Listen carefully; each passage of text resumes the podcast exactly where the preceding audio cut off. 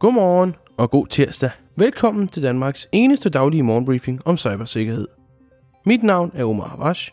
Jeg er cybersikkerhedskonsulent og journalist, og du lytter til cyber to go I dag har vi som altid tre nyheder. Først skal vi tale om Anonymous Sudan, der har taget ansvar for indgreb på Danmarks infrastruktur. Så skal vi tale om et WordPress-tema og plugin, der har to CV'er med score på 9,8. Og så skal vi tale om Microsoft, der autoinstallerer Microsoft Defender hos virksomheder, der bruger Microsoft 365-pakken.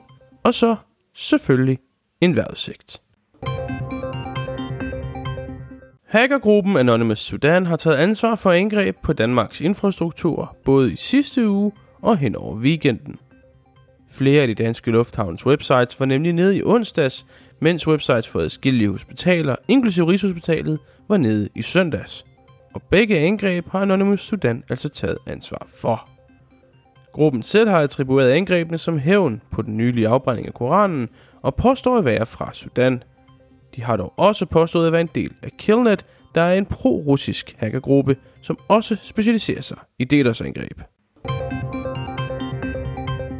Et tema og plugin til WordPress, nemlig Houses, har vist sig at indeholde to CVE'er, hvor begge har en CVSS-score på 9,8.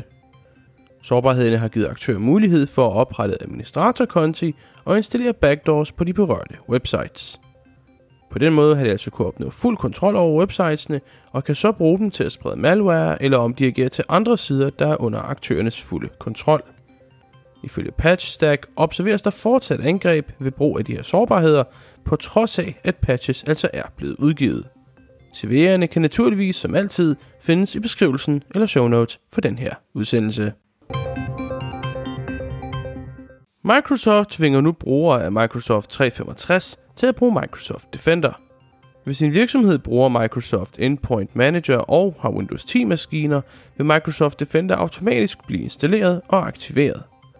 Brugere vil dog naturligvis have muligheden for at fjerne appen, ligesom med alle andre apps, hvis de ønsker det, Microsoft har bekræftet, at Defender altså ikke gør PC'er langsommere.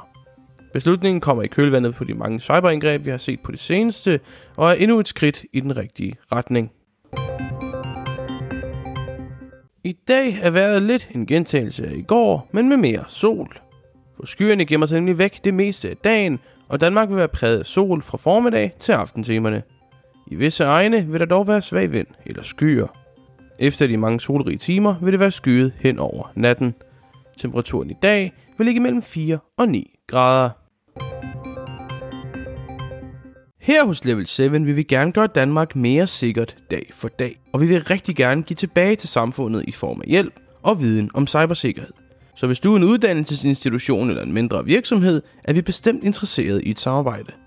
Du kan læse mere om os og kontakte os på www.lvl7.dk. Mange gange tak for, at du lyttede med til dagens udsendelse af cyber to go Mit navn er Omar Havash, og jeg ønsker dig en dejlig tirsdag. Kør forsigtigt,